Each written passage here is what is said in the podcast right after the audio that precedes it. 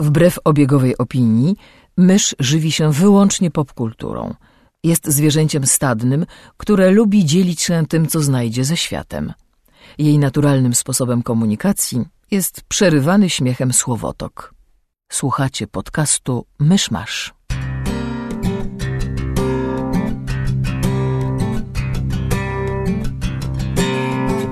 Gospodarzami podcastu Myszmasz są Krzysiek Ceran, redaktor portalu Avalon. Kamil Borek ze studia Kobart. i Mysz, autorka bloga Mysza Mówi. Drodzy słuchacze, jest 2 lutego 2015 roku, urodziny Brenta Spinera i Shakiry, a także Dzień Świstaka. Zapraszam do 89 odcinka podcastu Myszmasz. Mam teraz ochotę nucić Polkę z Dnia Świstaka. W Dniu Świstaka grali Polkę? The Pennsylvania Polka. Nie? Za każdym razem, jak on przychodził pod scenę, żeby zrobić ten wywiad a propos Dnia Świstaka, gra w tle Pennsylvania Polka. Nic? Skoro Nada. Tak mówisz, słuchaj, ja bardzo lubię Dzień Świstaka, ale nie, nie znam go na pamięć, nie, nie powtarzałem sobie. A. Sorry. Zastanawiałem się, czy, czy robić segment o grach komputerowych, ale to w gruncie rzeczy mam do powiedzenia tak niewiele, że równie dobrze mogę w dziale newsowym tylko o tym wspomnieć, że w ciągu ubiegłego tygodnia ukazały się dwie stare gry w wersji odnowionej, e, cyfrowa edycja specjalna i w ogóle. Na jedną, z jednej się bardzo cieszę, bo to jest oczywiście Grim Fandango, e, gra legenda, którą polecam wszystkim, o której mówiłem już chyba wielokrotnie w podcaście i E, I teraz wreszcie można w nią zagrać, nie, nie męcząc się w, nie wiem, w odprawianie, odprawianie modłów nad komputerem, żeby uruchomić program sprzed 15, 7, 17 lat? Czekaj, który mamy rok? Święte, ja co mnie 17 lat, właśnie. Mm. Więc teraz każdy może sobie ściągnąć Grima Fandango ze, ze Steama, z Goga czy skądkolwiek i e, bez większych problemów, bo jakieś drobne podobno są, ale odpalić go na każdym nowoczesnym sprzęcie. A, I szczerze mówiąc, myślałem, że rzucę się na to, jak tylko gra się ukaże, a teraz tak sobie myślę, że jeszcze za mało czasu minęło, żebym go sobie powtarzał. Nie, nie dlatego, że jakoś szczególnie niedawno grałem, ale całkiem niedawno oglądałem wszystkie przerywniki na YouTubie, więc czuję się jakbym miał na świeżo w pamięci całą grę. No tak. A gra jest znakomita. E, Przede wszystkim, przede wszystkim dialogi, postacie, klimat, e, sceneria, no, dzieło sztuki. E, Jako gra przygodowa, takie sobie. Polecam mieć e, podpowiedzi z boku, bo niektóre zagadki są tełpe, ale, ale tak to w tej epoce bywało. A druga gra, która dopiero co się ukazała w wersji odnowionej, odkurzonej, odświeżonej i zupełnie nie wiem czemu i chyba cały świat zastanawia się czemu, to jest e, Fahrenheit, zwany również Indigo Prophecy. A, widziałem gdzieś o tym newsa. Jedna, jedna z... E, nie, chciałem powiedzieć pierwsza gra Davida Cage'a, ale wcale nie, bo to było już po Omikronie e, i zdecydowanie dużo... Wciąż ba- pozostaje najlepszą grą Davida Cage'a. Mimo, że jest e, tragicznie oldschoolowy i bardzo ciężko e, w niego się gra po latach, ale nadal pozostaje najlepszą grą Cage'a. No i w, w, nawet w Omikronie widać jego ambicje. Tyle tylko, że w Omikronie to były ambicje zamknięte w technologii z 98, 7, Mhm. coś koło tego. E, I to pozostawała gra. To była gra z ambicjami, ale to była gra. Natomiast w Indigo Prophecy już mamy, że tak powiem, ambicje film. uwolnione i to już nie jest gra, to jest interaktywny film, Tak, z minigrami jako przerywnikami. e, który, znaczy minigrami, głównie z QTE. No tak, no. Tam prawie wszystko jest napełzane QTE. Jest kilka zagadek z, z, jak- jakby z gier przygodowych, ale, ale prawie cała reszta to są same QTE. E, Quick Time Event. Może dlatego. że- Tak. Jak ktoś nie wie, co to jest QTE, to nie będzie też wiedział, co to jest Quick Time Event. No, nieważne. e, to, to, jest, to jest taka gra, kiedy gra ci pokazuje szybką sekwencję klawiszy na ekranie i ty musisz je szybko nacisnąć w tej samej kolejności i to Tak, jest, to całe tak, wyzwanie. Jest to tak angażujące, jak brzmi. Tak, tak. I służy to tylko temu, żeby, żeby gra w dalszym ciągu udawała grę, a nie była po prostu przerywnikiem filmowym w tym momencie. Recenzenci chyba z RPS-u żartują, że to równie dobrze można by zastąpić przyciskiem pod tytułem tam taki przycisk, co się upewnia, że gracz ciągle żyje i obserwuje akcję. To spełni- spełniałoby tą samą funkcję.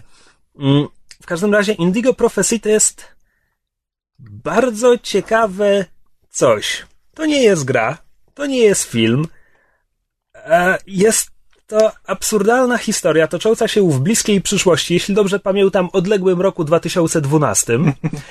E, I zaczyna się nasz, nasz bohater, którego imienia nie pomnę, e, budzi się w toalecie nowojorskiego dinera nad trupem.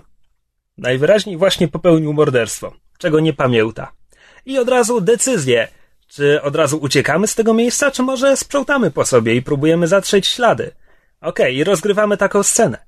A potem, zaskoczenie, przenosimy się w ciało innej postaci. Gramy teraz policy, yy, panią detektyw, która prowadzi śledztwo i przyjeżdża do tego samego dinera. No i sprawdzamy właśnie, jeśli przed chwilą uciekliśmy, no to mamy trupa do obejrzenia i tak dalej. Jeśli po sobie sprzątaliśmy, no to mamy do obejrzenia fakt, że sprawca po sobie sprzątał. Bardzo ciekawy. E, a potem co jakiś czas akcja przenosi się również w ciało trzeciego bohatera, czarnoskórnego, uła, trudne słowo. Czarnoskórnego. Cicho. E, czarnoskórego partnera pani detektyw, w sensie policyjnego partnera, nie życiowego, e, o którym niczego nie pamiętam, bo mam wrażenie, że nawet w gra nie potrafiła bardzo uz- uzasadnić, Nie, nie. czemu nim gramy. Tylko, on tylko jest wtedy, kiedy akurat pani detektyw jest w innym miejscu, a y, potrzeba kogoś, kto by przeprowadził jakieś półśledztwa. Tak, na dodatek, ja już tego nie pamiętam, ale z kilku tekstów wspominających grę, że tak powiem, wynika, że on był bardzo stereotypowo czarny, więc... No, trochę tak. No dobra. E, więc zaczyna się to wszystko bardzo intrygująco. Zaczyna. A potem, i to bardzo szybko, już gdzieś tak w jednej trzeciej, to zaczyna się rozrastać w taką bizantyjską intrygę. To, to jest po prostu zwariowana akcja. A potem w dwóch trzecich peron odjeżdża, jak to zwierz mówi. Po prostu peron odjeżdża, bo to jest tak. Kiedy mówię bizantyjska intryga, to nie chodzi mi o to, że tam jest jakiś wielki spisek dookoła tego morderstw- morderstwa. Znaczy jest, jest spisek, ale to nie jest taka zwykła konspiracja, że jacyś potężni ludzie chcieli, żeby wrobić naszego bohatera. Nie. To jest po prostu tak, jakby w drugim i trzecim Matrixie był jeszcze wątek e, końca świata 2012 wynikającego z kalendarza Majów. Jakby Tak, mniej więcej ten stopień absurdu i oderwania od rzeczywistości Że okej, y, nie, to jest, to jest niby spoiler, ale to jest spoiler, spoiler do twistu, który jest wzięty po prostu z czapy i jakby z niczego nie wynika, pojawia się po prostu dlatego, że scenariusz go napisał, ale to jest intryga, która się toczy między azteckimi bóstwami, a y, cyborgami, którzy są de facto internetem, tylko takim, y, który ma formę energii czystej, jakieś kompletnie, wiesz, Tam była jeszcze trzecia strona konfliktu, ja już zabij nie pamiętam czym ona była, ale była równie um, Ale tak, mamy starożytne rytuały i cyborgów, którzy nie są cyborgami, tylko jakimiś formami energii. Jest dziwnie, co niestety na co się trzeba przygotować, bo pierwsze pół gry jest naprawdę w, e, trzymającym w napięciu interesującym thrillerem. A potem dzieją się dziwne rzeczy. tak, dzieją się spektakularnie głupie rzeczy. E, w tamtych czasach była to również bardzo odważna gra ze względu na swoje sceny erotyczne. Palszej, że zahaczające o nekrofilię, ale to już trzeba się naprawdę czepiać i po prostu wczytywać w fabułę, w sensie słuchać, co się dzieje. E, no, mimo wszystko muszę powiedzieć, że to polecam, bo to jest taki trochę na zasadzie, jak, jak ktoś poleca jakiś dziwny film klasy B sprzed Tak, 50 lat. Znaczy, To jest ja- coś takiego... Ja wróciłem do tego jakieś parę miesięcy temu i skończyłem, bo nie pamiętałem właśnie o co nam chodziło i teraz po paru miesiącach znów nie pamiętam, e, bo to ciężko jest w ogóle e, ogarnąć umysłem, ale że całkiem przyjemnie mi się w to grało. Jakby Nie jest to bardzo porywająca rozgrywka, ale mimo wszystko, no mówię, przez pierwsze pół godziny rzeczywiście cię wciąga, a potem już resztę grasz, bo chcesz, chcesz bo już zacząłeś i wypadałoby skończyć, ale mimo wszystko e, nie żałowałem czasu spędzonego. Tak, bo początek jest bardzo fajny i zresztą początek to jest to, co naprawdę warto z tej gry obejrzeć. Mhm.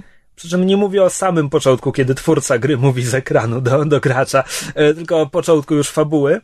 A potem, jeśli w którymś momencie poczujecie, nie, okej, to się robi za głupie, to jest moment, żeby przerwać grę, bo dalej będzie tylko gorzej. No tak. No to chyba, e, chyba, że ktoś ma jeszcze jakieś newsy? No ostatnio było bardzo dużo newsów castingowych, też e, komiksowych. Między innymi dowiedzieliśmy się, kto będzie grał młodych Jean Grey, Cyclopsa i Storm. Tak, tylko że poza aktorką z Gry o Tron nic mi nie mówią nazwiska tych szczyli, więc... Mnie bardzo pobieżnie, ale wygląda to fajnie. No i był też trailer Fantastycznej Czwórki, Był. który wygląda naprawdę fajnie i bardzo mi się podoba po tym trailerze, że przynajmniej jest szansa, że to nie będzie w całości mm, origin story, że, ty, że już w tym filmie widzimy, że oni się tam wybierają do tego innego wymiaru, czy... e, Nie, nie, to jest ich origin story. Mm, No, no dobra, no niby tak, bo stamtąd mają ten... Stamtąd mają moce. To mają jest origin moce, story. Ale no nie wiem, no.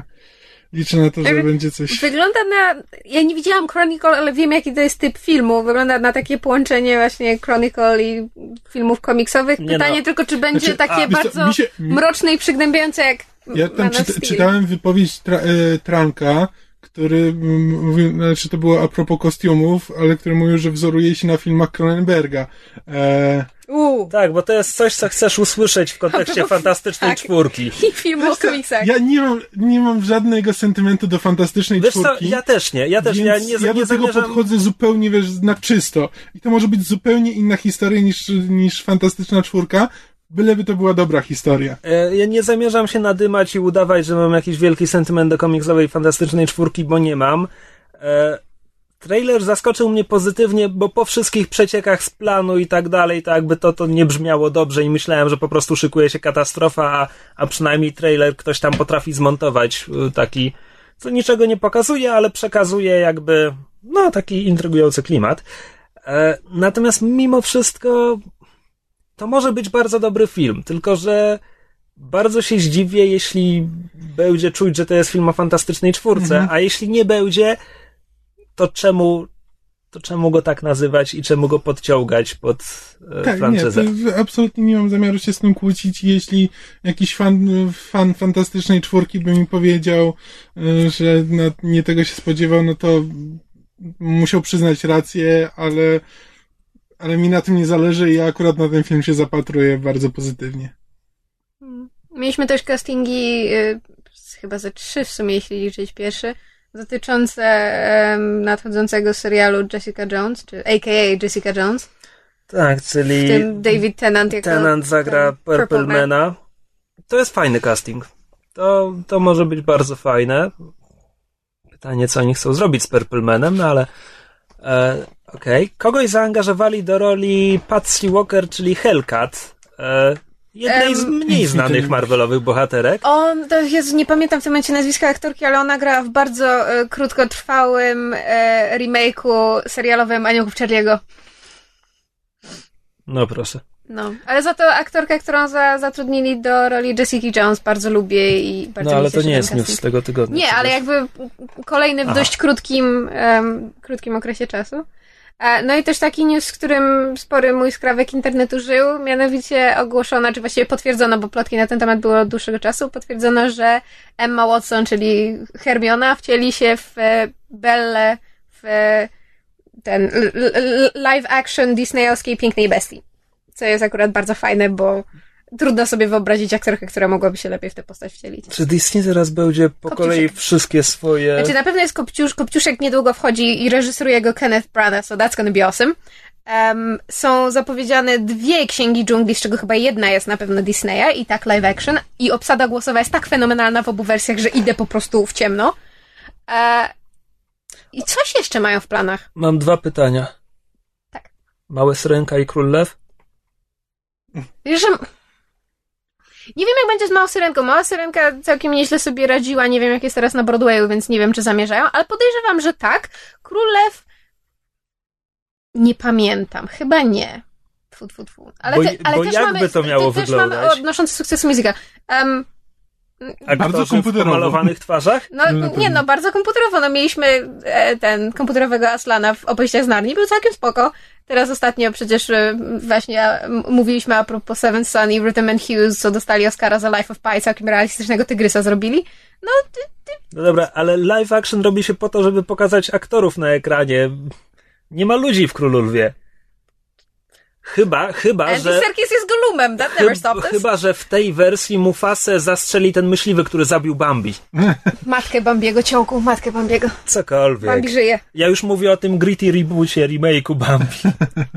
Tak, Ale a propos- matka będzie się mściła za śmierć dziecka. Ale nie słuchajcie, a propos Bambi, bo em, ja jakiś czas temu organizowałam u siebie na blogu konkurs wiedzy o filmach Disneya i, i dostałam, potem sprawdzałam formularze z odpowiedziami i niektóre odpowiedzi bardzo, bardzo mnie rozbawiły i chyba moja najulubieńsza odpowiedź w całym quizie, mianowicie e, po tym jak mama Bambiego zostaje zabita przez myśliwego, no to Bambim się zaczyna opiekować jego tata. E, Wielki Książę Lasu, który jest jeleniem oczywiście, no bo jeleń jest ojcem Bambi. I e, jedna z odpowiedzi, pytanie brzmiało, kto się opiekuje Bambim po śmierci jego mamy i ktoś napisał jakiś jeleń i po prostu tak strasznie mnie to ujęło. Jakiś jeleń. I słuchajcie, przyznałam tej odpowiedzi punkt chociażby za sam dowcip, bo wpasowało się, wpasowało się absolutnie cudownie. No. To tak z, z różnych newsów. Michael Fassbender podobno ma być Bobą Fettem. A tak. A z kolei dzisiaj podobno nieoficjalnie potwierdzono, że Tatiana Maslany została zatrudniona do tego spin-offu Gwiezdnych Wojen. Tego z Bobą Fettem, czy tego drugiego? Nie wiem, któregoś. Miała, po, podobno szła na ten, na, na przesłuchanie do, do, do, do roli w jednym z tych spin-offów i Ale podobno nie- nieoficjalnie już Nie- ma, ją ma. Nie zaczynajmy mówić o plotkach i przeciekach dotyczących Gwiezdnych Wojen, bo nie wyjdziemy stąd do jutra. Dobrze, to w takim razie przejdźmy może do tego, kto co ostatnio skonsumował był. Wiem, że, wiem, że Kamil wylądował w kinie spontanicznie. Możesz się pochwalić, na czym byłeś. Nie chcę. Byłem na Taken 3. Przecież Taken przez trójeczkę. Ale nie chcę o tym mówić. Nie wiem, poniósł mnie moment. E, Bo Liam Neeson, czy bo poprzednie filmy? bo obejrzałem poprzednie dwa filmy. Taken pierwszy jest wciąż dobrym filmem, drugi jest w miarę porządnym filmem akcji, ale bez jakichś większych zachwytów. Natomiast trzeci. Trzeci, trzeci, trzeci.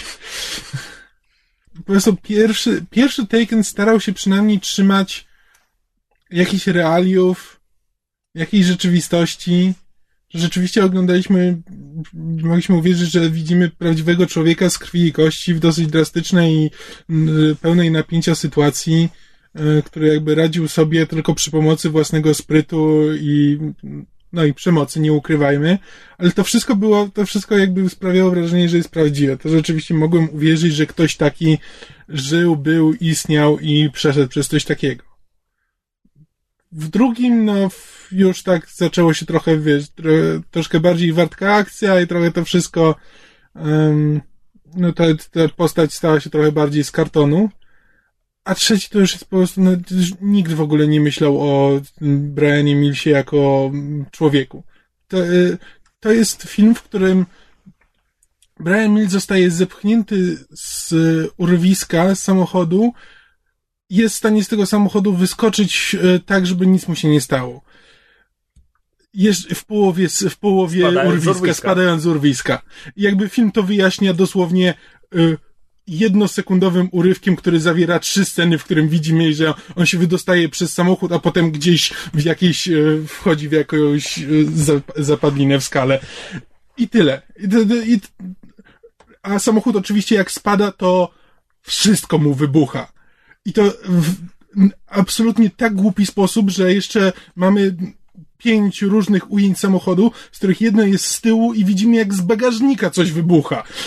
Wszystko po prostu, wszystko po No kolei. to? Najpierw coś z przodu, potem coś z tyłu. Sentex, czy to nieoczywiste? Wszystko, wiesz, że jak tylko jakiś samochód e, się rozbije na ekranie, to natychmiast wybucha i jakby przewoził rzeczywiście 3 kilo semteksu. E, I ten film jest pełen po prostu tego typu scen. Nie ma tam żadnej ludzkiej emocji, żadnego ludzkiego momentu. E, I akcja, która po prostu, no, no, po pierwsze, nie ma w niej nic nowego. Nie ma ani jednej sceny, którą bym stwierdził, że u, to jest ciekawe, że nie wiem, ciekawa sceneria, albo nie wiem, albo fajny, y, tak jak w, w Johnny Wicku, gdzie przynajmniej ch- choreografię można było y, popodziwiać. Nic, absolutnie nic. Jest po prostu poleciane kompletną sztampą, bez scenariusza. y, i nie wiem, robił to jakiś Francuz o nazwisku Megatron, Megaton. Nie, nie wiem, kto to jest, ale czuwał niby nad tym filmem Luc Besson i nie wiem, co on robił, znaczy tylko liczył pieniądze, zakładam. Poleciane? E, No no, Luc Besson, Luc Besson też e, transportery drugiego i trzeciego robił. Tak, tylko że Transformery z zasady Transportery. transportery. E, Transportery jakby miały być z założenia właśnie filmem z Jasonem Stathamem, który nie traktuje się do końca na poważnie i jest i ma być Ale- filmem Luca Besson, Ale mimo które wszystko, są zawsze trochę głupawe. ale mimo wszystko jest różnica między pierwszym transporterem, który ma jeszcze jakiś styl i szyk, i drugim i chyba trzecim też, które były już po prostu orgią Nie, wybuchów. no, pe, no, pewnie tak, chyba nie widziałem. no, Trzeciego na pewno nie widziałem, nie pamiętam czy drugiego. E, no ale wiesz, ale to jest przynajmniej film, który jakby z założenia miał być głupi, no i potem po prostu no, kolejne sequele były coraz głupsze. Natomiast no, w Taken mamy film, który rzeczywiście Nie, bo- jakby aspirował do tego, żeby być mm, filmem akcji, ale z elementami thrillera i po prostu wyewoluował już w kompletne, w kompletne dno kina akcji. Nie, bo powiedziałeś, że opiekował się tym Luc Besson z takim zdziwieniem, a ja tylko mówię, że Luc Nie, Besson ma wiesz, właśnie taką manierę. Luc Besson to produkował i tak, no, no. Ale nie, bo on produkował wszystkie trzy. No tak, Więc ale no- właśnie, właśnie o to mi chodzi, że tam raz wpadnie na dobry pomysł, którego zrobisz, bo ktoś zrobi dobry film, a potem kolejne to już jest odcinanie kuponów. No tak szczerze, wydaje mi się, że to ma być już ostatni film, więc przynajmniej tyle dobrego. Choć jeszcze mają A w tytule, więc są w stanie A zamienić na czwórkę i wydaje mi się, że to może być jedyny powód, dla którego ją zrobią. E, ale no zobaczymy. Mam nadzieję, że mimo wszystko nie już dadzą Brianowi Nilsonowi umrzeć w spokoju, a Liam, Liamowi Nisonowi zrobić coś ciekawszego ze sobą, ale no zobaczymy.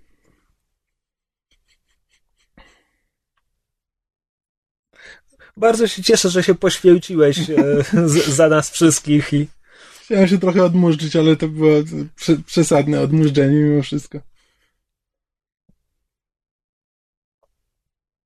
mam lecieć od najlepszej do najgorszej, czy od najgorszej do najlepszej rzeczy? To wiesz co, to jako przeciwwaga to teraz coś dobrego może powiedz. Coś dobrego, a zatem komiks. W zeszłym tygodniu w ramach wielkiej kolekcji komiksów Marvela ukazał się tom numer nie wiem ile e, Thunderbolts Wiara w potwory ze scenariuszem Warrena Ellisa i rysunkami Mike'a Deodato. E, Nie mam polskiego wydania, mam oryginalne, więc nie wiem, nie wiem jak wyszło tłumaczenie i tak dalej. Natomiast nawet jeśli wyszło nie najlepiej, to i tak od razu polecam w ciemno, bo to jest fantastyczny komiks. A to jest album. On nawet nie jest ze środka serii. On jest, on jest z drugiej połowy serii Thunderbolts, ale nie ma to żadnego znaczenia, bo Warren Ellis przyszedł do tytułu z numerem chyba 111, 110 i kompletnie zmienił e, profil grupy, skład grupy, założenia tytułu, w ogóle wszystko. Po prostu nie ma znaczenia, co było wcześniej. Przychodzi Warren Ellis i jest tuż po wojnie domowej, którą wygrała strona mm, prorejestracyjna. Norman Osborn zostaje dyrektorem programu Thunderbolts, żołdowej grupy superistot, zajmującej się łapaniem niezarejestrowanych superbohaterów. Mówię superistot, bo e, grupa składa się e, tylko i wyłącznie z byłych złoczyńców, O, Stanley! paru, paru zreformowanych i e, tak, Stanley ma cameo. A propos, Stanley miał ostatnio cameo w Agent Carter. No, on przełzie. Ale się nie spodziewałam i to było urocze. Przepraszam. Kontynuuj. W agentach też nie... W agentach tarczy jeszcze go nie było szczęśliwie. No to jest już tak namolne. Sam jesteś normalny. No nie, no. To Stanley. No. Wiesz cokolwiek o tym człowieku? To nie jest miły facet. He's the father of comics. No tak, jest, jest miłym dziadkiem, ale wyrolował tylu twórców, z którymi pracował, że nie można go. Jest ojcem komiksu, bo wydymał Steve'a Ditko na Spider-Manie, no. i Jacka Kirby'ego i tak dalej, i tak dalej. No ale mniejsza o niego. A, Tak, więc Warren Ellis przychodzi i po prostu niespecjalnie patrząc na to, co było wcześniej, pisze komiks o grupie psychopatów zarządzanych przez innego psychopatę, chociaż chwilowo na lekach i w miarę sobie radzącego, e, o tym, jak e, brutalnie próbują łapać ludzi, których jedynym grzechem było to, że próbowali być bohaterami. E, I to jest kolejny tytuł, do którego Warren Ellis. Warren Ellis w ostatniej dekadzie ma po prostu taki tryb pracy w Marvelu, że on przychodzi na 6 do 12 numerów i sobie spada.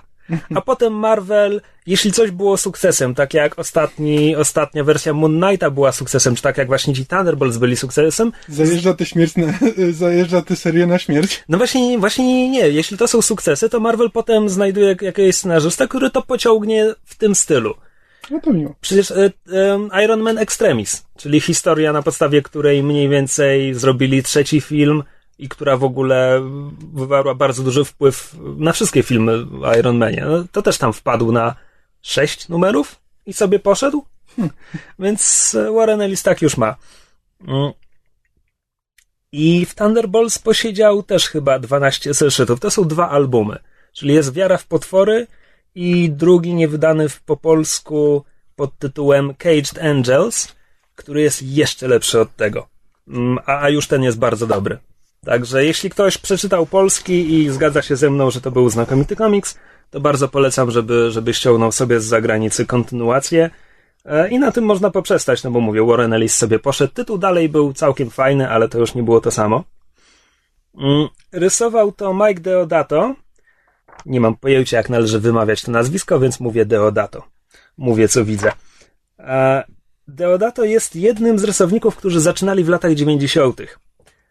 I kiedy coś mu nie wychodzi, to bardzo to widać. To są właśnie przepakowani, przepakowani faceci z absurdalnymi spluwami, e, kobiety o talii, osy tylko o większym biuście, e, wypinające się tyłkiem do czytelnika i tak dalej. Kiedy coś mu nie wychodzi, no to jest właśnie Mhm. taka taka ekstremalnie, ekstremalnie 90s e, kreska. Natomiast ten album i, i następny to są moim zdaniem jego najlepsze rysunki, mm, które wyszły mu bardzo fajnie, gdzie jest bardzo fajne, e, bardzo fajne kadrowanie, czasami też się w ogóle bawi mm, kompozycją paneli na stronie, jakoś nie bardzo. Znowu przeglądam teraz ten album i, i wydaje mi się, że bardziej się bawi w kolejnym.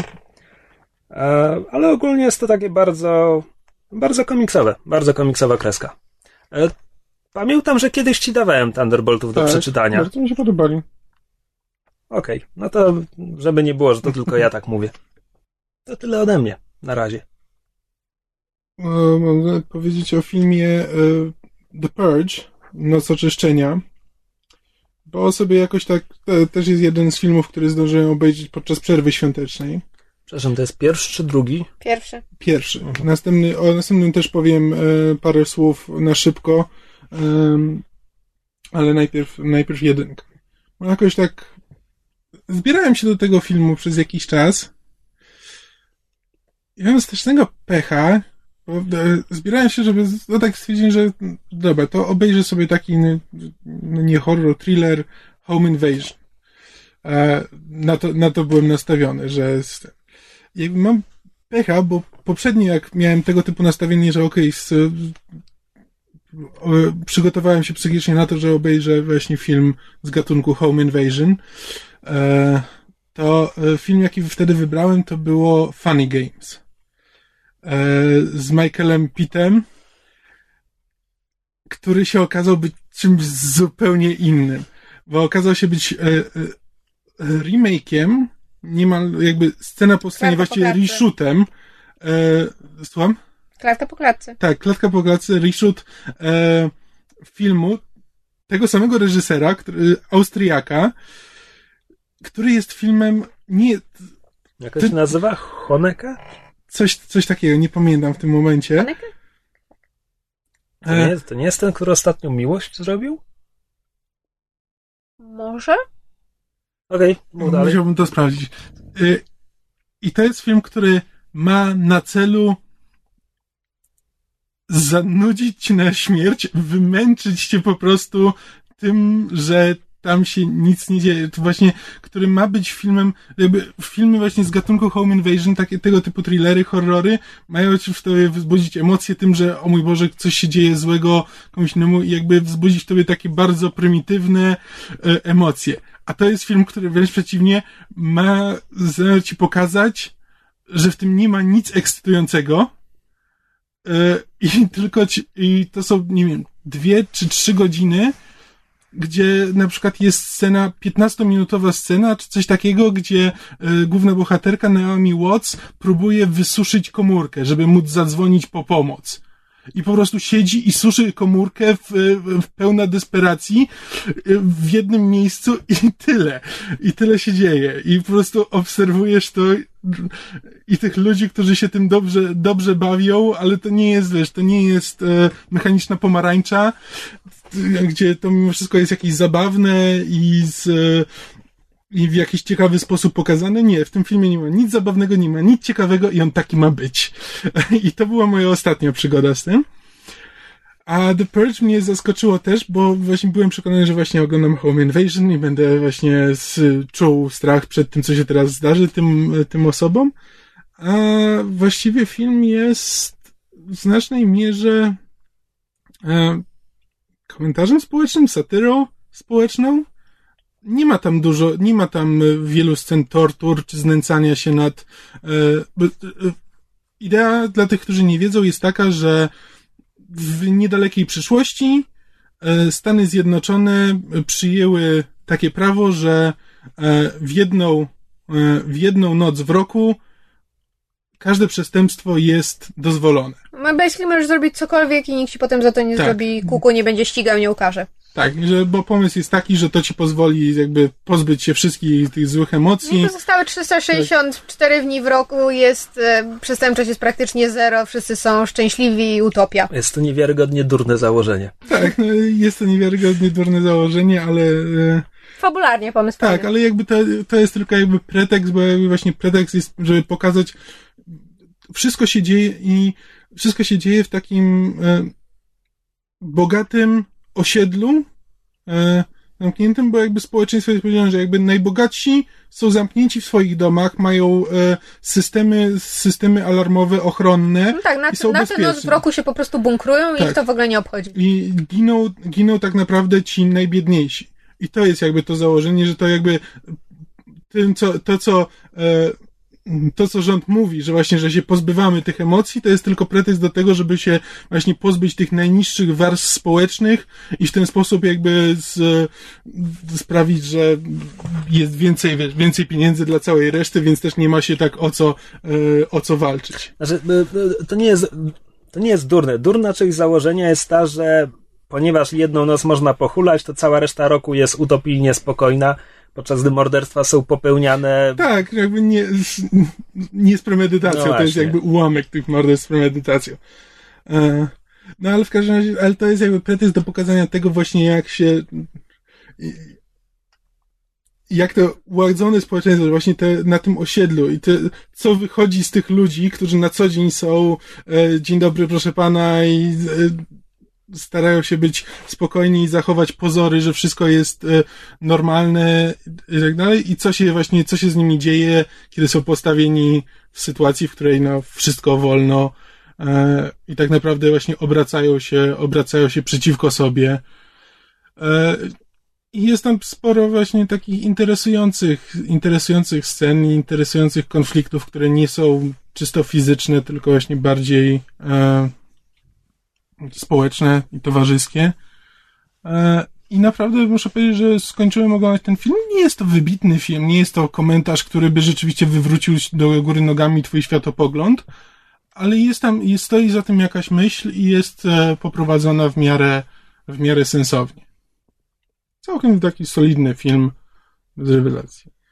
No i potem więc już poszedłem za ciosem i obejrzałem też sequel, czyli Noc Oczyszczenia Anarchia z podtytułem, no, który już poszedł w sequelowość. Czy to już jest tylko historia grupki ludzi, którzy muszą przejść e, przez miasto podczas tej nocy oczyszczenia i spróbować nie zginąć. I już nie ma tam, nie ma tam nic, e, nic z tego, co było interesujące w pierwszej części. Jest to tylko i wyłącznie taki coś pomiędzy filmem akcji a thrillerem, ale ale to wszystko. To cały, cały film. Jakbym można obejrzeć, jak ktoś lubi jakąś, usłyszał założenia i stwierdził, że to może być interesujące, to nie jest to zły film. Ale też nie ma w nim nic, co by cię zaskoczyło. W przeciwieństwie do pierwszej części. Chyba odpuszczę sobie obie. Nie, możesz sobie odpuścić spokojnie. E, pozostając przy filmach, mm, trochę małej archeologii, obejrzałem Dune Lyncha z 1984, której chyba nigdy nie widziałem w całości, natomiast na pewno kiedyś widziałem fragmenty. Ja dwa razy podchodziłem do tego filmu i próbowałem go obejrzeć. I tak, e, jak byłem młodszy, to bardzo lubiłem książkę. Lubiłem książkę tak bardzo, że przeczytałem ją dwa razy, a potem przeczytałem wszystko. W sensie wszystko, co napisał Frank Herbert, bo prequeli i sequeli pisanych przez jego syna we współpracy z Kevinem Andersonem postanowiłem nie tykać, bo mm, nabawiłem się takiej lekkiej antypatii do Kevina Andersona po jego książkach gwiezdnowojennych i postanowiłem nigdy więcej go nie czytać, więc to był główny powód. A potem poczytałem sobie recenzję i stwierdziłem, że chyba miałem rację.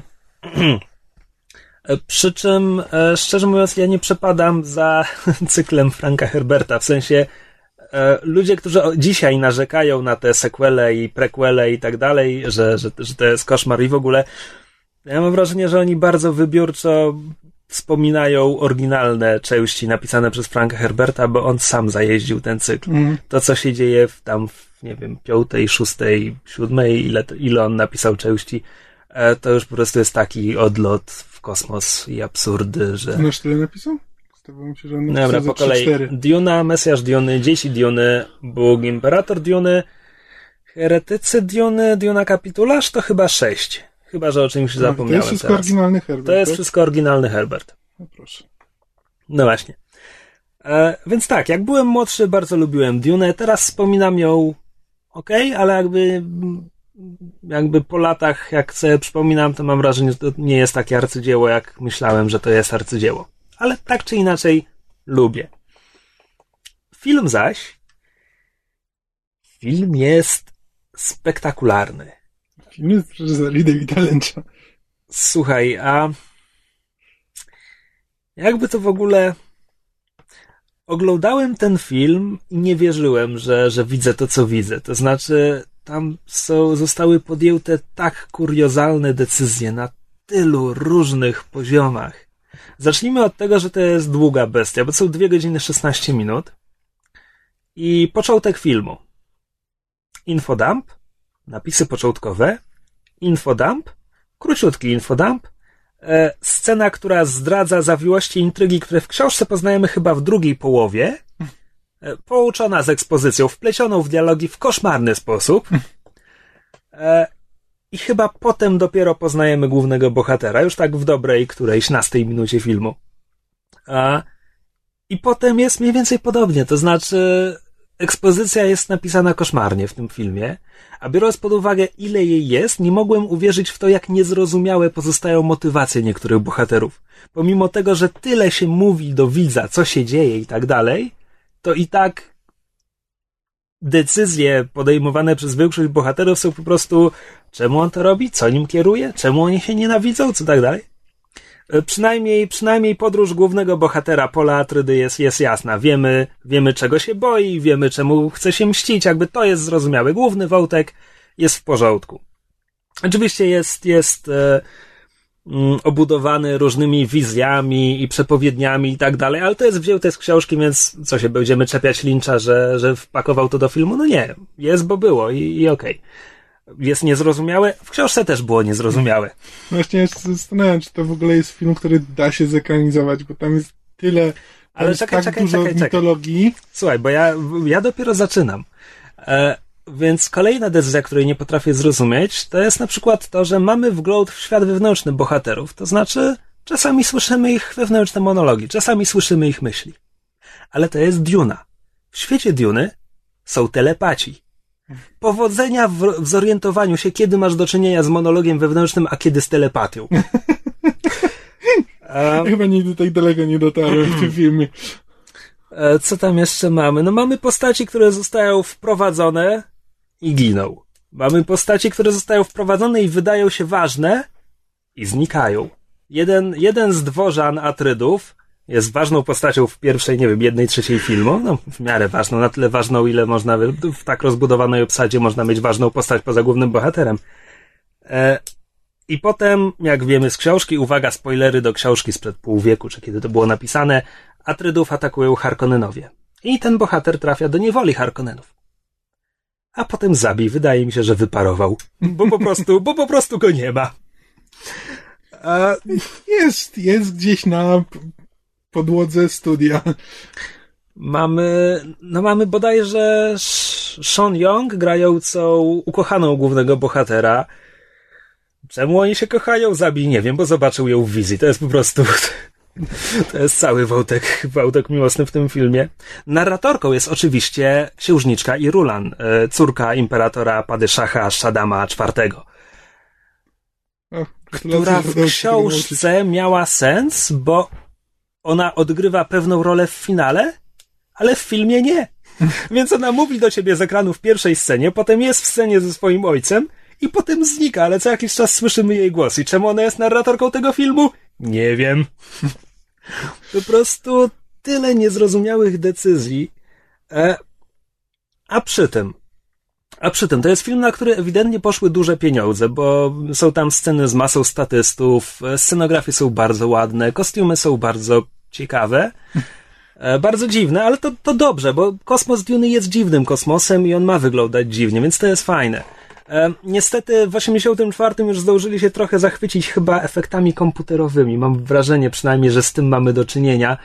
E, I to zdaje się było zaraz po pierwszym tronie i to jest podobny, mhm. podobnie spektakularne efekty komputerowe, ale nie ma ich wcale tak bardzo dużo. Więc czerwie są zrobione w porządku w większości scen, niektóre są naprawdę imponujące. E, więc ogólnie to jest fajne.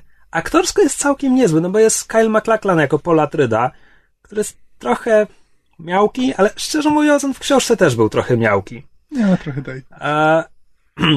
Ciężko zagrać taką postać, którą po prostu miota trochę po no tak, świecie. Tak, tak, tak. Więc aktorzy są, aktorzy są nieźli, no bo tam, zwłaszcza role drugoplanowe, no Sean Young nie ma nic do zagrania w tym filmie, ale robi to bardzo wdzięcznie. E, Patrick Stewart ma mikroskopijną rulkę. Ja naprawdę liczyłem na więcej, zwłaszcza, zwłaszcza później w filmie.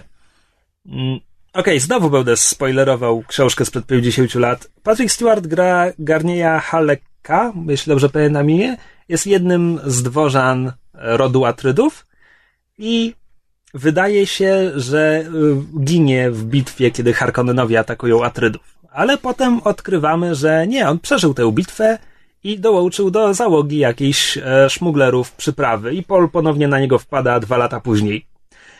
No więc mamy Patricka Stewarta w tej roli, który na początku jest w mundurze i w ogóle, no ale potem dołączył do bandy recydywistów. Jak pokazujemy, że ktoś dołączył do bandy recydywistów i spełdził tam dwa lata? Makolczyk. Nie, nie, nie, nie. Zazwyczaj miałby burzę włosów. Ale Patrick Stewart, jak wiemy, jest taki trochę łysy. Ogromna broda. Nie, nie, mówię trochę łysy, ponieważ on ma przecież tę taką koronę z tyłu głowy, z, z włosów. No więc e, Patrick Stewart w drugiej połowie tego filmu łączy łysinę z plerezą. I to jest, to jest spektakularne. Łysina plus malet. A, ojej. Tak, e, co więcej, to jest już chyba dodatek filmowy, bo nie pamiętam z tego książki. Atrydzi mają e, nadwornego pieska, mają mopsa.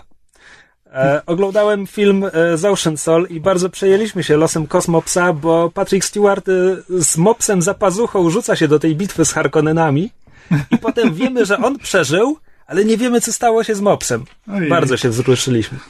No więc...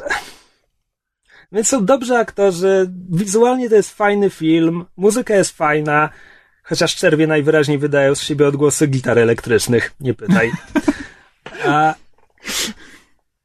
a przy tym... Bardzo rokowe, to mi się podoba. A przy tym pomysł. mamy Barona Harkonnena, który nie pamiętam kto go gra, ale to jest niezły aktor, bo kiedy, kiedy tylko scenariusz mu pozwala być odrobinę subtelnym, odrobinę stonowanym, to jest fajny i zabawny. Tyle tylko, że to są jedna, dwie sceny w całym filmie, a cała reszta to on się po prostu śmieje w niebogłosy, zabija podwładnych. Um, no, karykatura, karykatura z kreskówki. Mhm. I to jest straszne. No, w książce też był mocno przerysowany. No pewnie tak. No ale znowu, więc gdyby ten scenariusz był lepiej napisany, gdyby, gdyby to zmontować lepiej, tam jest tyle niepotrzebnych scen, tyle niepotrzebnych informacji, a jednocześnie paru kluczowych brakuje. No po prostu taki niewiarygodny bajzel, niewiarygodny.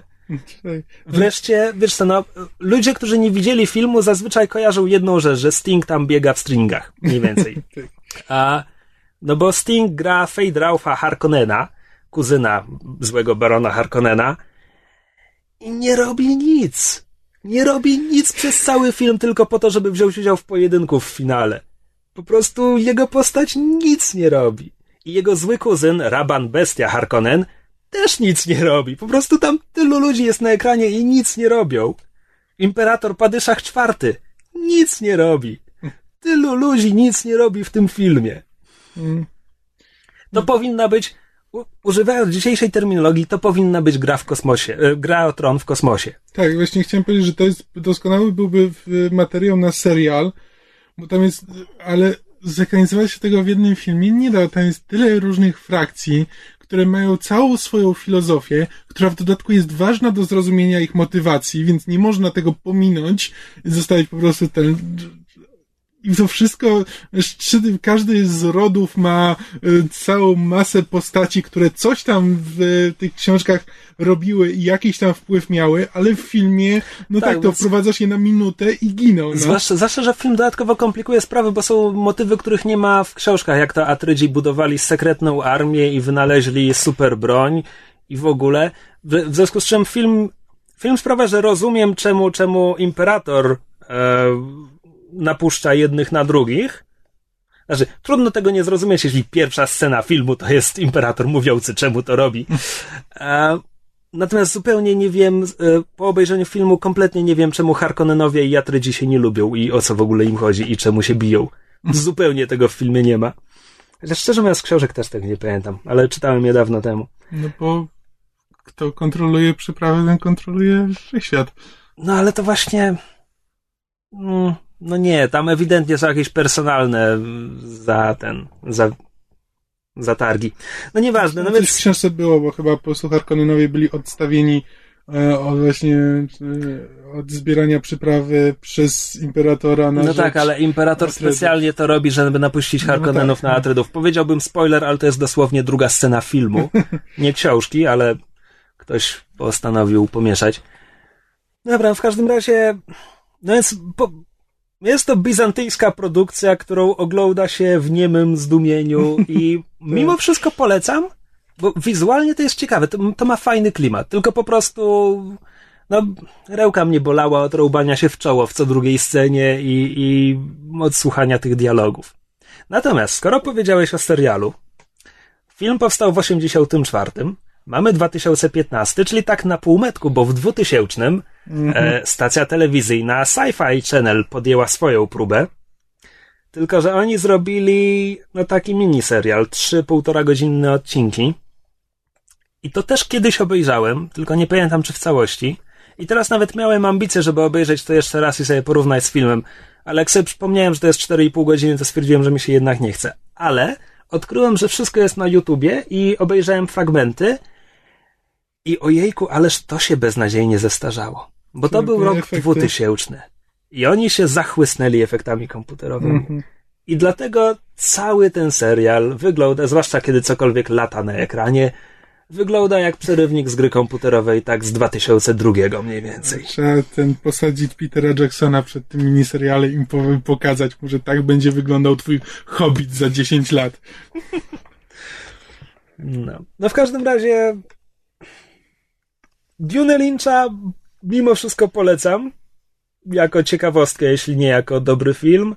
E, Miniserial sci-fi chyba nie był szczególnie dobry. Ale chyba był trochę bardziej zrozumiały?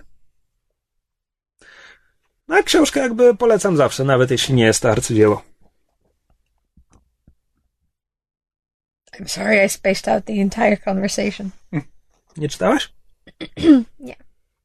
Kiedyś u Kamila, jak leżałam chora, to zaczęłam czytać, ale wysiadłam po trzech stronach, bo miałam tyle pytań, na które nawet Kamil nie mógł Tego się nie odpowiedzieć. da zacząć czytać, to trzeba przeczytać albo nie. Tak. To, to, to nie jest lektura, którą można sobie czytać, wiesz, co trzy dni na kibelku. Bo się rzeczywiście można pogubić. Ale skoro mówimy o lekturach na kibelku. Segway. E, skończyłam wreszcie czytać e, Nosferatu Joe Hilla, pisane NOS4A2. Em, I wiem, jak to brzmi, ale jakby w kontekście fabuły ma, ty, tytuł ma sens i, i, i- wcale nie jest taki kiczowaty, jak się wydaje. Nosferatu jest bułgarskim przemytnikiem? Nie no, jakby to widać po designie okładki, że to jest rejestracja samochodu, ale potem jest Właśnie dlatego pytam, czy jest bułgarskim przemytnikiem. wytłumaczone dlaczego. Em, I dojeżdża do granicy i mówi, I'm sorry, I can take no further. E, książka opowiada o dziewczynce e, Vic McQueen, która ma specyficzną umiejętność, mianowicie jest w stanie znaleźć na. Ma specy- specyficzną umiejętność, mianowicie e, wsiadając na swój rower i jadąc przez siebie, jest w stanie trafić na most, który się lata temu zawalił, i ten most jest ją w stanie doprowadzić do zgubionych rzeczy. W sensie dzięki temu, dzięki tej magicznej drodze, której jakby w, w, w którą sama nie do końca wierzy, jest w stanie znajdować zagubione rzeczy. Po czym się dowiadujemy z biegiem książki, że takich osób, którzy mają taką taki jakby totem, który pozwala im w jakiś sposób naginać czy zmieniać rzeczywistość jest więcej. I jednym z nich jest y, książkowy Bad Guy, czyli ten właśnie jakby Nosferatu, e, który jest Wampirem. tak i nie. To właśnie no nie jest typowy wampir, jest, jest e, porywaczem dzieci. E, w sumie to jest książka Wampir z Hilla... Zagłębia. Cicho. Nie denerwuj mnie. To jest w sumie książka Hilla, którą najtrudniej wytłumaczyć, bo tak jak rogi jeszcze można w miarę sensownie streścić i tak jak e, pudełko w kształcie serca też można w miarę sensownie streścić, w Nosferatu jest trudniej. Basically cała książka jest opowiada o, o życiu dorastającej Wyk, którą poznajemy jako małą dziewczynkę i później em, jako dorosłą kobietę z, z, z własnym dzieckiem i jej konfliktu z, z tym e, Charlie Manx, on się nazywa, ten właśnie nasz e, wampir w cudzysłowie. I ja się bardzo dużo dobrego nasłuchałam o Nosferatu i nasłuchałam się, że to jest w ogóle najlepsza książka Hilla i że jest fantastyczna. I trochę się z tym nie zgadzam. To znaczy, rzeczywiście jest to bardzo, bardzo fajny pomysł i em, jest fantastycznie napisana i bardzo mi się podoba to, że Hill um, nie, nie cacka się ani z, ani z czytelnikiem, ani ze swoimi bohaterami, o czym zresztą chyba już kiedyś mówiłam a propos, a propos jego książek. I, I to nie jest tak, że wszystko jest różowe, rzeczywiście tam się naszym bohaterom dzieją straszne krzywdy i, i mają problemy psychiczne i, i rodzinne i, i tak naprawdę nie do końca są dobrymi ludźmi, ale mimo to im kibicujemy. Natomiast zastanawia mnie, czy jednym z powodów, dla których książka nie wywarła na mnie tak dużego wrażenia, jakie mam wrażenie wywiera na innych czytelnikach, jest to, że książka w bardzo dużej mierze dotyczy um, bycia rodzicem i posiadania dzieci i, i jak rodzice przeżywają, um, kiedy dziecku dzieje się coś złego, na przykład właśnie kiedy zostaje e, porwane czy, czy, czy zaginie. I jakby jestem w stanie z tym empatyzować, ale nie odczuwam tego tak, tak dramatycznie i tak jakby żywiołowo. I w sumie największy zarzut, jaki mam do Nosferatu, to jest to, że mimo tego, że książkę czyta się bardzo szybko i z dużym zaangażowaniem, bo jakby chce się wiedzieć, co będzie dalej i, i, i, i, i jak dalej potoczą się losy bohaterów i czy uda się pokonać tego złego, czy, czy nie, jak się to uda i tak dalej.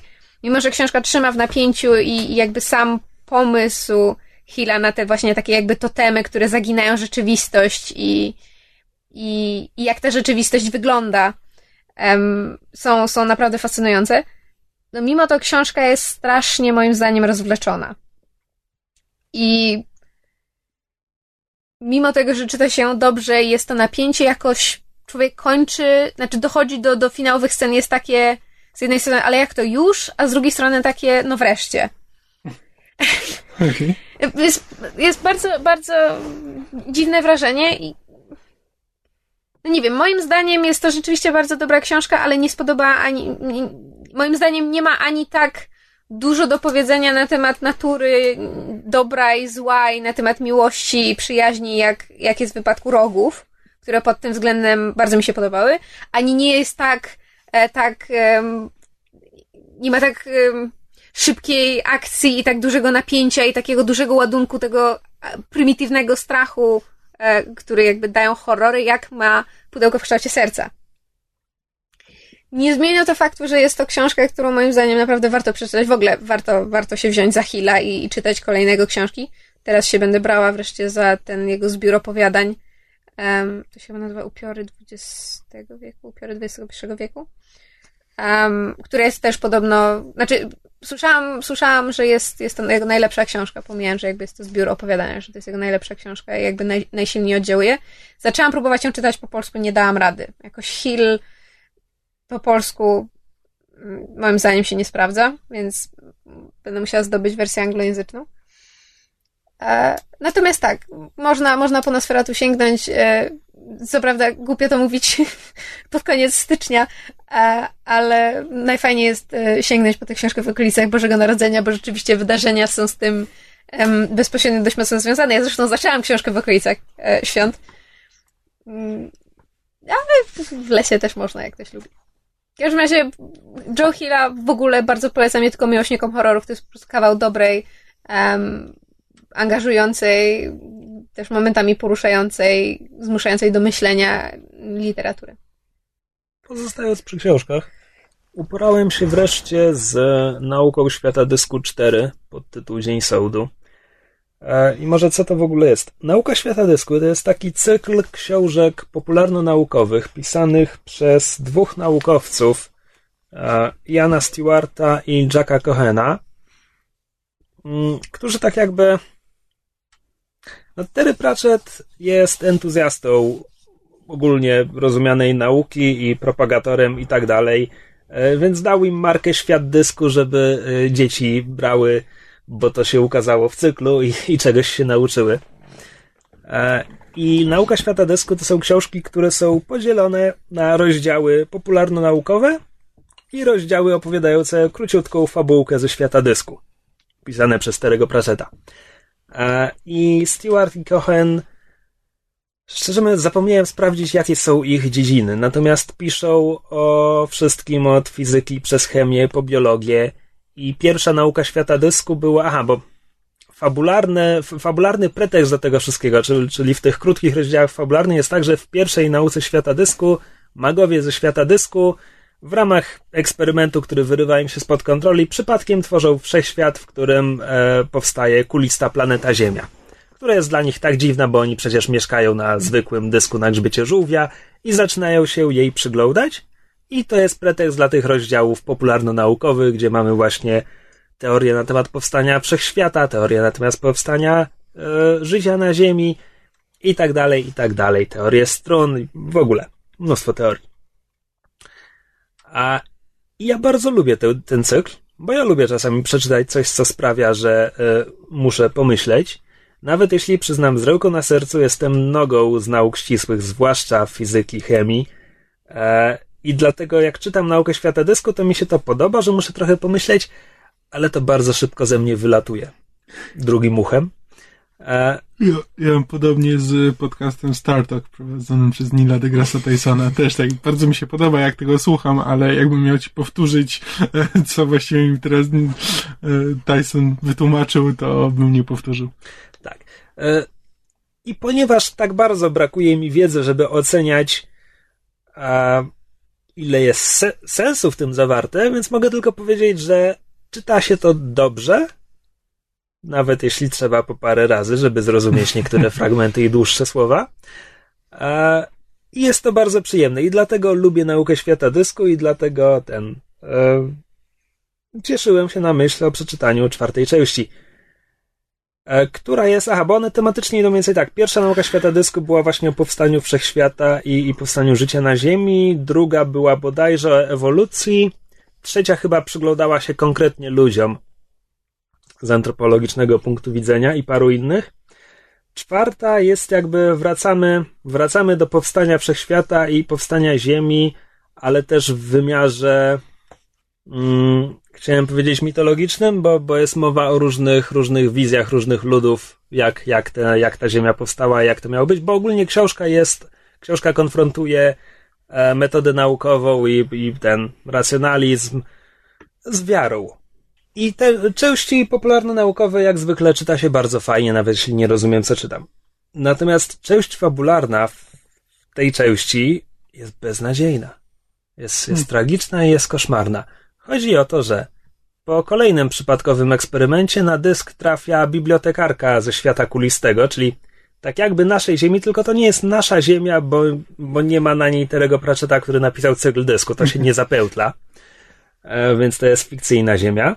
Więc ta bibliotekarka trafia na świat dysku, gdzie przypadkiem fundamentalistyczni wyznawcy jednej z religii e, ten wnoszą o, o, proces, bo próbują udowodnić, że, że ten świat kuli powinien należeć do nich, bo to jest jakiś element ich wierzeń i magowie muszą bronić, że to oni powinni się nim nadal opiekować. I rozsądza oczywiście mm, Vetinari, czyli jaki on ma tytuł? Patrycjusz. Patrycjusz, tak. Patrycjusz Vetinari, czyli władca Ankh-Morpork, największego miasta na dysku. I okej, okay, jakby założenia są spoko. Natomiast wykonanie jest tragiczne. Znaczy, bibliotekarka jest tak płaską postacią, jakiej jeszcze nie widziałem na świecie hmm. dysku. A magowie zostają wykrzywieni. Nadrektor Reed Kali, który, okej, okay, zawsze był opisywany, że jest trochę bardziej inteligentny niż się wydaje. Tutaj po prostu zamienia się w worełdownika racjonalizmu i wyznawcę metody naukowej i to jest po prostu takie wykrzywianie postaci, żeby, żeby ją nagiąć do tego, co, co autor akurat próbuje powiedzieć.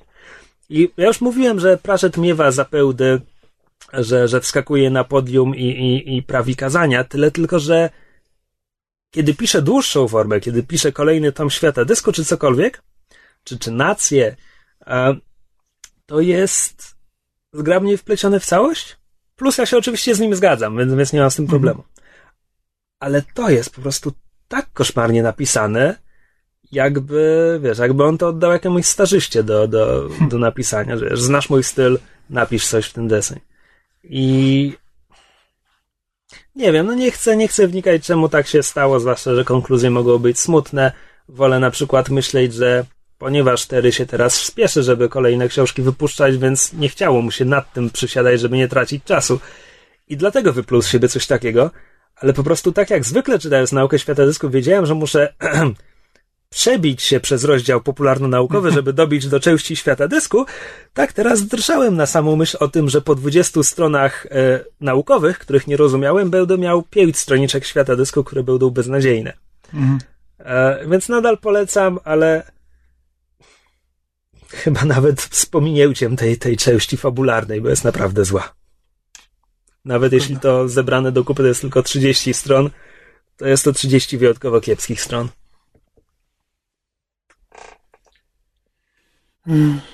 Dobrze, to ja tak się wspinałem trochę od najgorszych filmów do trochę lepszych. To teraz rzeczywiście bardzo dobry. Znaczy taki, który mi się bardzo podobał. E, czyli Dawn of the Planet of the Apes. Tudzież jak to nazywa Honest Trailers Rise of the Dawn of the Planet of the Apes Origins The Beginning. Bo to rzeczywiście jest tytuł, który chwilę, chwilę ci zajmuje, zanim go wymówisz w pełni. Szczególnie, e, a już nie mówię o tym, że nie jestem w stanie zapamiętać, co było najpierw Rise of the Planet of the Apes, czy Dawn of the Planet of the Apes. E... No jak to? Najpierw świta, potem wschodzi, nie? No na logikę tak, tylko właśnie tak, dlatego właśnie postanowili na nazwać odwrotnie. Bo najpierw jest Rise of the Planet of the Apes, a potem jest Dawn of the Planet of the no Apes. Sense. A jak no były właśnie. polskie tytuły swoją drogą? E, chyba plan... Planeta Małp początek? Nie, początek planet Małp. A nie, Nie było coś ze świtem? Geneza planety małp i świt Geneza. planety Geneza. tak. Geneza planety małp, a drugie to nie wiem, pewnie, pewnie świt planety małp, ale prawdę mówiąc nie przyszło mi do głowy sprawdzić. Mm. No mniejsza o to. Aby, słuchaj, bo ja szczerze mówiąc znam klasyczną planetę małp, znam nie wiem jakby to ładnie powiedzieć, znam specyficzny rem, remake e, Tima Bartona, Mhm. ale nie oglądałem tych, tych prequeli. One podobno są dobre. Znaczy ja widziałam pierwszy, bardzo bardzo, dobre. Ja fajny. pierwszy, pierwszy bardzo lubię. A drugiego jeszcze nie widziałam. Ale wyglądało, znaczy... A, Mhm. Znaczy, wciąż y, wolę pierwszy. Y, ewolucja planety małp, tak się nazywał drugi. A pierwszy był Geneza? Geneza planety małp, więc po polsku to ma więcej sensu. E, tylko teraz na, następny film e, amerykańscy twórcy nazwał e, Evolution of the Planet of the Apes i zabiją ćwieka polskim wydawcom. E, e, tak, e, bardzo mi się podobały oba filmy z zupełnie, z zupełnie różnych powodów.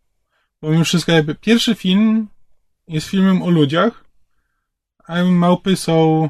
E, Tam gra James Franco? tak, James Franco. W sequelu też, czy już nie?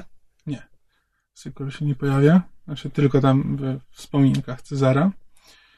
E, no i tak jak pierwszy jest, pierwszy jest o ludziach, a małpy są jakby katalizatorem do fabuły.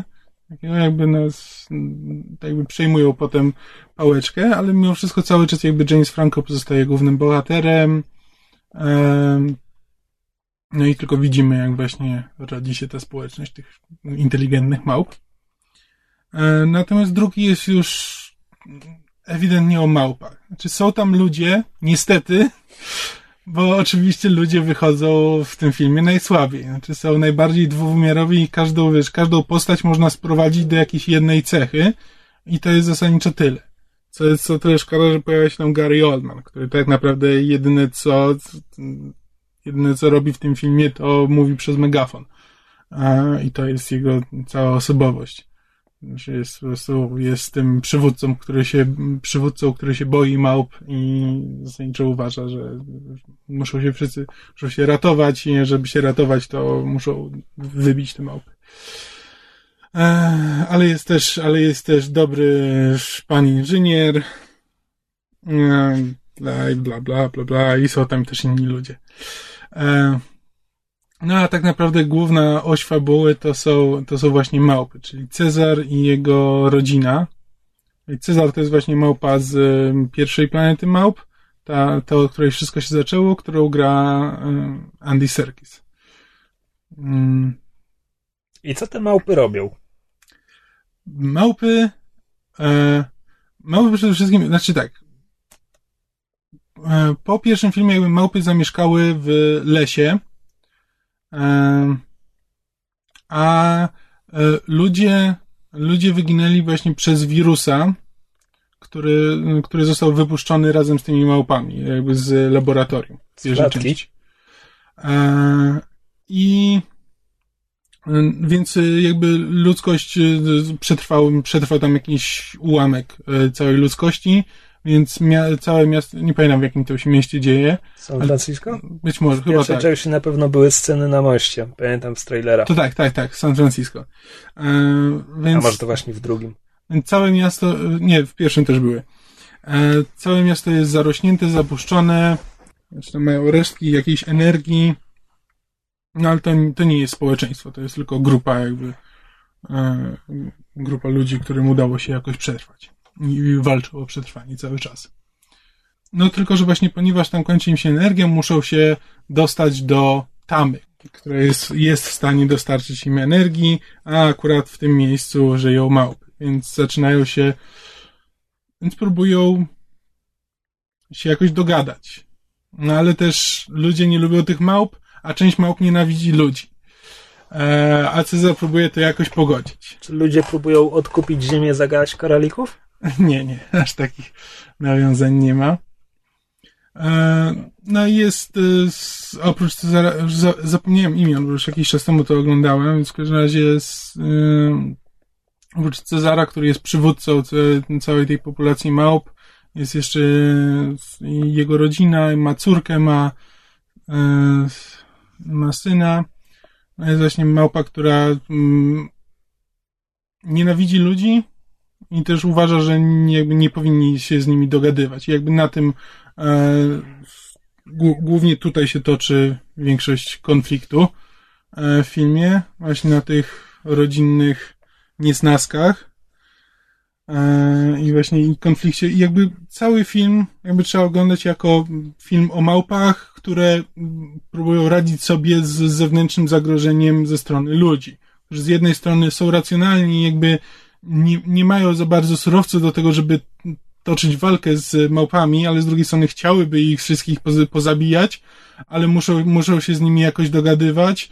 Więc to jest tak, a małpy też z drugiej strony też nie mają, nie mają takiej technologii jak ludzie, e, ale też mają, ale jest ich w sumie więcej i są sprawniejsze, więc jakby chciały, to też mogłyby ich pozabijać. E, więc tak te, niby jest między nimi sojusz, ale taki bardzo, bardzo nietrwały, który w dodatku... Sojusz czy pokój? E, pokój, pokój. E, tak. I jakby pod tym względem właśnie takim politycznym, sytuacji politycznej w tym filmie jest to w miarę interesujące i właśnie na poziomie tych relacji między małpami, które są najciekawsze i które rzeczywiście mają jakieś charaktery, nawet jeśli jakby w podstawowym wymiarze to się sprowadza do tego, że Cezar jest tym e, w miarę wyważonym przywódcą, a jego córka jest um, znaczy jest te, trochę emocjonalna i też jakby chciałaby, chciałaby po prostu spokój, żeby jej rodzina żyła, żyła w pokoju, a, jej, a jego syn jest... Przepraszam, przepraszam. Czy, czy ta małpia córka jest zbuntowaną nastolatką? Nie, nie. nie. E, zbuntowanym nastolatkiem to jest jego syn, w każdym razie jest, e, no to, to się dużo dzieje, ale jakby poza, poza tymi podstawowymi jakby cechami charakteru są tam jakby przebłyski różnych innych e, interesujących zachowań i, i no, film ogląda się głównie dla małp, które zresztą są fantastycznie e, przedstawione. Rzeczywiście mają niesamowitą mimikę e, i nawet jeśli to jest CGI, to jest to jeden z lepiej wykonanych. Przepraszam, czy wszystkie małpy były zrobione komputerowo, czy statystami były prawdziwe małpy? Nie, nie wgryzałem się aż tak w kulisy kręcenia tego filmu, ale prawdę mówiąc, wszystko wyglądało bardzo, bardzo realistycznie. Ale tak podsumowując, e, naprawdę jestem pod dużym wrażeniem tych filmów e, i też zresztą ostatnio widziałem wypowiedź jakiegoś włodarza z Foxa, który właśnie jakby na przykładzie, na przykładzie e, planety Małp, tej nowej planety Małp i X-Menów jakby mówił o tym, czym powinny być sequele e, i że właśnie, że starają się żeby to nie było po prostu więcej tego samego, tylko żeby zrobić, zrobić coś trochę innego, żeby jakby bazując na tym, co już było, zrobić coś innego, żeby przyciągnąć też trochę inną grupę odbiorców, poza tą, która oglądała e, oryginalny film. I właśnie rzeczywiście jakby widać w tym filmie, że to nie jest, to nie jest jakby więcej tego samego, to jest jakby zupełnie inna historia, e, która niewiele ma wspólnego właśnie z pierwszą częścią, szczególnie, że jakby poza Cezarem tam nie ma żadnych postaci, które by się powtarzały i tam poza tam niektórymi tam starszymi małpami. E, ale właśnie jest to zupełnie, zupełnie inna historia na trochę inną skalę niż, e, niż w pierwszym filmie, ale też nie na taką skalę, żeby to był, żeby to była jakaś e, walka o uratowanie świata, tylko po prostu... Patrz Planeta Małp Tima Bartona. No właśnie. Ale w, więc wciąż pozostaje na tym poziomie jakby rodziny, i jakiejś tam społeczności bez jakby uciekania się do nie wiadomo jakich ten rozwiązań fabularnych i twistów. No jest bardzo miłe. Rzeczywiście jakby relacje między małpami i ludźmi są bardzo fajnie pokazane i relacje między małpami i małpami są bardzo fajnie pokazane. Nie tak fajnie są pokazane relacje między ludźmi i ludźmi. Ale wciąż to jest bardzo dobry film. Myszu. Teraz ja, teraz ja, teraz ja. e, to skoro jesteśmy przy filmach w miarę nowych, um, to udało mi się wreszcie obejrzeć Big Hero 6. ponieważ nie wybrałam się na film em, w polskich kinach, gdzie był pod tytułem Wielka Szóstka, jeśli dobrze pamiętam. E, ponieważ jednak przy animacjach staram się najpierw oglądać film w oryginale, a dopiero potem w polskim dubbingu. I jakby no, Big Hero 6 jest tym, czym w zamierzeniu twórców e, mam wrażenie miało być pod, od początku, to znaczy połączeniem tego, co najlepsze w Disneyu i Marvelu, ponieważ Big Hero 6 jest oparte na mało znanym komiksie ze stajni Marvela. z którym ma bardzo niewiele wspólnego. Do tego też zamierzałam nawiązać, z którym właściwie ma wspólne nazwy, znaczy imiona postaci i niektóre em, cechy tychże postaci, ale bardzo, bardzo niewielkie. Zresztą jakby twórcy się otwarcie przy, przyznają do tego, że spodobał im się tylko jakby ogólny zam, zamysł kom, komiksu i od początku zamierzali em, traktować go raczej po macoszemu, wykorzystać go raczej jako inspirację niż em, bazę pod, pod adaptację. Nam zresztą się przyznali, że tam chyba jeden z nich przejrzał trzy czy cztery zeszyty, a jeden z głównych scenarzystów w ogóle nawet po komiks nie sięgnął. I, Tam wcale nie było dużo do czytania, bo to nie jest jakiś... wiesz, nie, ale ch- chodzi jakby o, o, o, o, o wiesz, o, o pewne, pewne podejście, bo jednak zazwyczaj em, adaptacje czy ekranizacje się robi w, w dość dużym stopniu w oparciu o materiał źródłowy.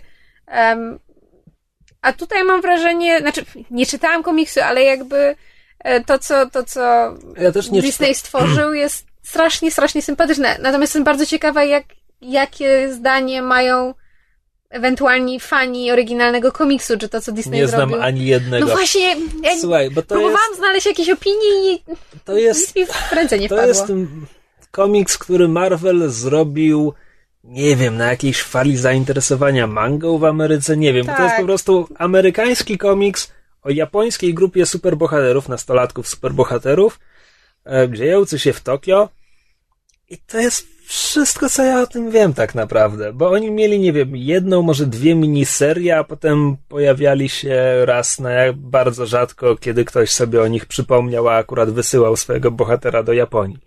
A to, to jest po prostu, no, że tak powiem, duperel w historii Marvela. Drobiazg, drobiazg, tego słowa szukałem. Mniej dosadny niż duperel. E, w każdym razie e, różnice między e, oryginałem a, a wersją Disneya są dość znaczące. Mianowicie pierwsze takie największe to jest, że akcja została przeniesiona do em, wymyślonego miasta San Francisco, które jest połączeniem San Francisco i Tokio. I jakby nie jest to powiedziane w filmie, ale twórcy wymyślili sobie, że to jest po prostu al- alternatywna rzeczywistość, w której po wielkim trzęsieniu ziemi, w, które zrównało z ziemią praktycznie San Francisco, em, i odbudowano miasto dzięki bardzo dużemu zaangażowaniu Japończyków i jakby japońskich imigrantów i tak powstało San Francisco. Ale bohaterów to chyba nieco wybielili, co? Tak, to znaczy biorąc pod uwagę, że em, chyba cały skład oryginalnego komiksu oprócz jednej kobiety to są um, Azjaci, znaczy Japo- Japończycy. Japończycy, tak. Znaczy wiesz co, bo tam, tam Japończycy z różnych grup etnicznych, No no ale wszystko Japończycy. nie, patrzę się na ciebie z pytaniem, bo mówię, komiksu nie, nie przeczytałam, prze, przejrzałam tylko to, co było na Wikipedii. Em, I to też tak pobieżnie. Zresztą o komiksie oryginalnym wcale tak dużo nie było. E, Natomiast w wersji Disneya, em, pomijając już, że od czasu em, Tangled Disney animuje swoich ludzkich bohaterów właściwie z tego samego modelu pod tytułem Małe ciałko, duża głowa, duże oczy. E, W związku z czym wszystkie żeńskie bohaterki wyglądają bardzo podobnie, żeby nie powiedzieć jak siostry. W związku z czym tutaj też e, mamy podobny podobny design animacji. No i mamy głównego bohatera Hiro, który no na upartego jest jest Japończykiem, chociaż ta animacja tak bardzo, bardzo mu te charakterystyczne rysy twarzy wygładza, żeby wyglądał bardziej europejsko. Em, Taki biały Japończyk. Tak, taki biały Japończyk. No ale wiesz, San Francisco mogli się tam różnie krzyżować. Ja się, ja się nie wtrącam, ja nie wnikam. Em, poza tym mamy jego brata, em, który też jest e, Japończykiem. I mamy ich znajomych z uczelni, nazwalibyśmy to, nie wiem, Politechniką, e, czy MIT. Um, ich, nie, ich nieodpowiednik takiej właśnie uczelni zaangażowanej w, w cyberne- cybertechnologię, mechanikę i tak typu rzeczy. No i tam mamy, e, e, nie wiem, białą, białą, białą Europejkę, dziewczyna, która może jest Azjatką, ale to mówię, animacja tak to spłyca, że nie widać. Em, ten białego, białego chłopaka, który jest ten taki stereotyp, e, ten, e, no, taki uczelniany leser, któremu się nic nie chce, a potem się okazuje, nie wiem, to może być spoiler, ale potem się okazuje, że on jest basically pani Twain, po prostu pochodzi z bogatej rodziny i nic nie robi, bo mu się nic nie chce.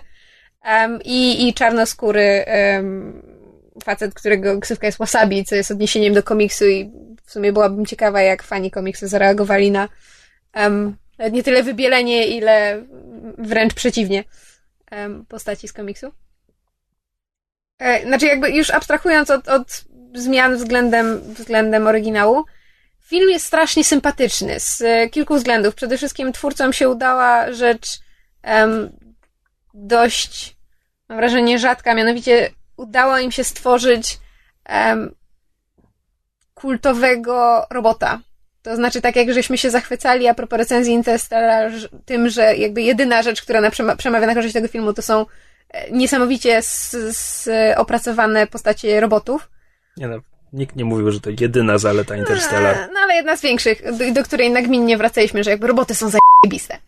Um, tak, e, w, w ostatnio w popkulturze mieliśmy parę takich e, robotów, które bardziej zapadają w pamięć, czy, czy tam Wally, czy oczywiście wcześniej jakiś C-3PO i R2-D2 i... Ostatnio. A, mówi w ogóle, no takie Twoja najbardziej... definicja ostatnio dzisiaj jest... Ostatnio mnie zaskakuje. Chodzi takie najbardziej czołowe przykłady robotów, które się jakoś zapisali w Hal? Ale jest sztuczną inteligencją dla mnie bardziej niż robotem robotem. E, no ale abstrahując, w każdym razie w e, Big Hero 6 e, twórcom udało się stworzenie moim zdaniem takiego absolutnie em, kultowego robota, którego jak tylko człowiek widzi i pozna trochę bliżej, to, to po prostu natychmiast jest ta chęć pod tytułem ja chcę mieć takiego robota.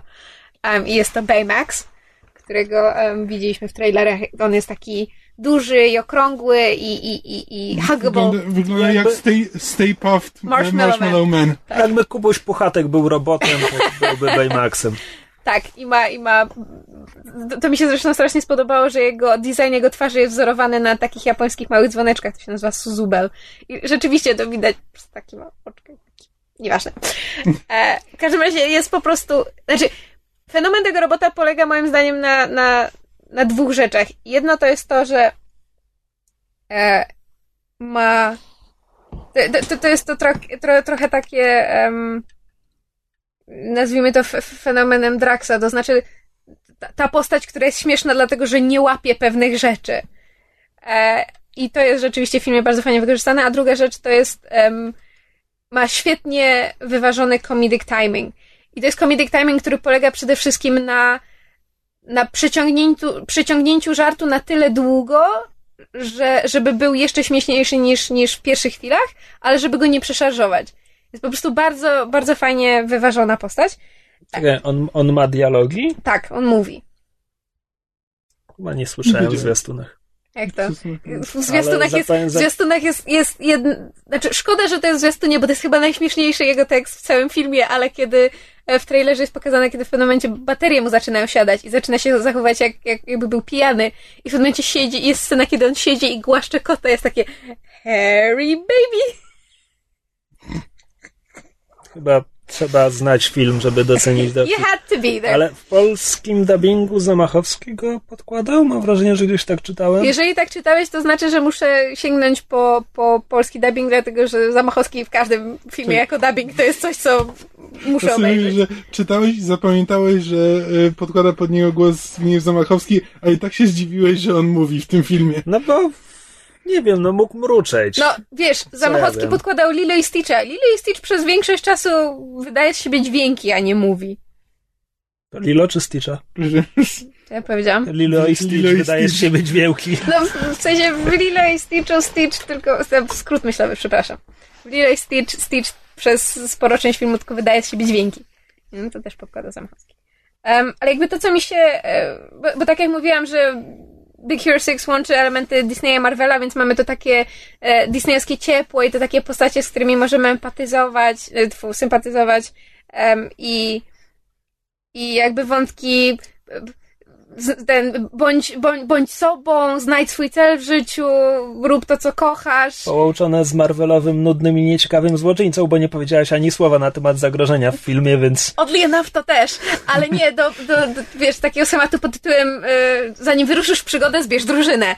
E, no, ponieważ bohaterowie filmu zostają em, tam super bohaterami, czy po prostu bohaterami, którzy chcą walczyć ze złem dzięki swojej inteligencji i zdolnościom em, właśnie tam te- technologiczno-mechanicznym, po prostu tworzą sobie em, stroje do walki z, z, ze złem. I pod tym względem to jest właśnie połączenie Marvelowego super komiksowego, znaczy super bohaterskiego e, filmu akcji pod tytułem A musimy uratować świat przed wielkim złem, a disneyowskim ciepłym pod tytułem A rodzina i przyjaciele, wsparcie bliskich. E, jednak to, co moim zdaniem najbardziej przemawia na korzyść Big Hero 6, to jest to, że film radzi sobie z czymś, co w sumie Disney poruszał, ale nigdy nie, nie pokazał w dużym stopniu. Mianowicie się, em, się tutaj śmieliśmy z, z mamy Bambiego i z Bambiego, ale w filmach Disneya jednak bycie sierotą jest dość częstą przypadłością bohaterów, tak samo jak śmierć kogoś bliskiego. Bardzo rzadko, jeśli nie, jeśli nie nigdy, nie było pokazane, jak sobie ci bohaterowie z tym radzą. Zazwyczaj to już było jakiś czas temu.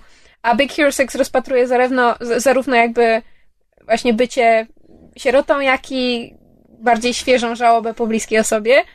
I robi to, w, mam wrażenie, w, w przystępny sposób dla, dla, młodych, dla młodych widzów, co jest ważne, bo właśnie mówię, Disney jakby wcześniej tego typu tematów nie poruszał, a przynajmniej nie w taki e, realistyczny i mądry i ciepły sposób.